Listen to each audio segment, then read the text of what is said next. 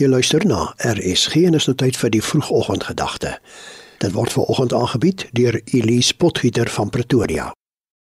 Goeiemôre luisteraars. Ons het gisteroggend geluister hoe 'n marinebioloog gedurende 'n navorsingsprojek 'n eksperiment met 'n haai en 'n skool klein visse gehad het. Hy het die haai in 'n glastenk gesit en toe 'n klomp klein visse ook in die tenk losgelaat. Die haai het binne sekondes al die klein visse opgevreet. Die volgende dag het die marinebioloog 'n glasskeiding in die hok aangebring. Hy het die haai aan die een kant van die glasskeiding gesit en die klein visse aan die ander kant van die skeiding. Soos die vorige keer het die haai op die klein visse afgepyl, maar om teen die glasskeiding vasgeswem.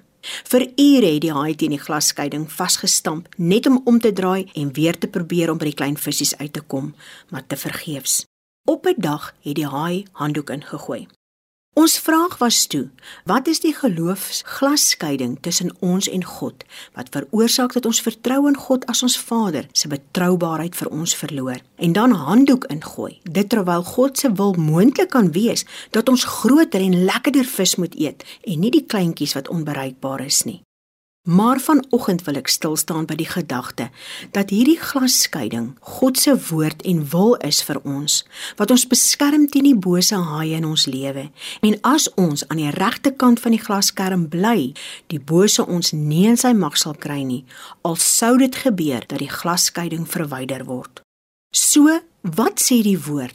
Hoe behoort ons te leef? te glo en God te dien as ons beskerm wil word teen die geloofshaai in ons lewe. Romeine 12 vers 1 en 2 lees. En nou doen ek 'n beroep op julle broers op grond van die groot ontferming van God. Gee julleself aan God as lewende en heilige offers wat vir hom aanneemlik is. Dit is die wesenlike van die godsdiens wat julle moet beoefen. Julle moenie aan hierdie sondige wêreld gelyk word nie, maar laat God julle verander deur julle denke te vernuwe dan sal julle ook kan onderskei wat die wil van God is en wat vir hom goed en aanneemlik en volmaak is. Hebreërs 13 lees: Mag God julle toerus met alles wat goed is, sodat julle sy wil kan doen. Jy kan slegs in iets glo en iemand vertrou as jy hom werklik ken. Ken ons God as ons Vader so goed dat ons elke dag ons gebed met opregtheid begin deur te sê: Vader, laat U wil elke oomblik in my lewe geskied, omdat ek onvoorwaardelik glo U wil vir my is die beste. Vader, in die naam van Jesus Christus, laat U wil geskied. Amen. Dit was dan die vroegoggendgedagte hier op RSG, aangebied deur Elise Potgieter van Pretoria.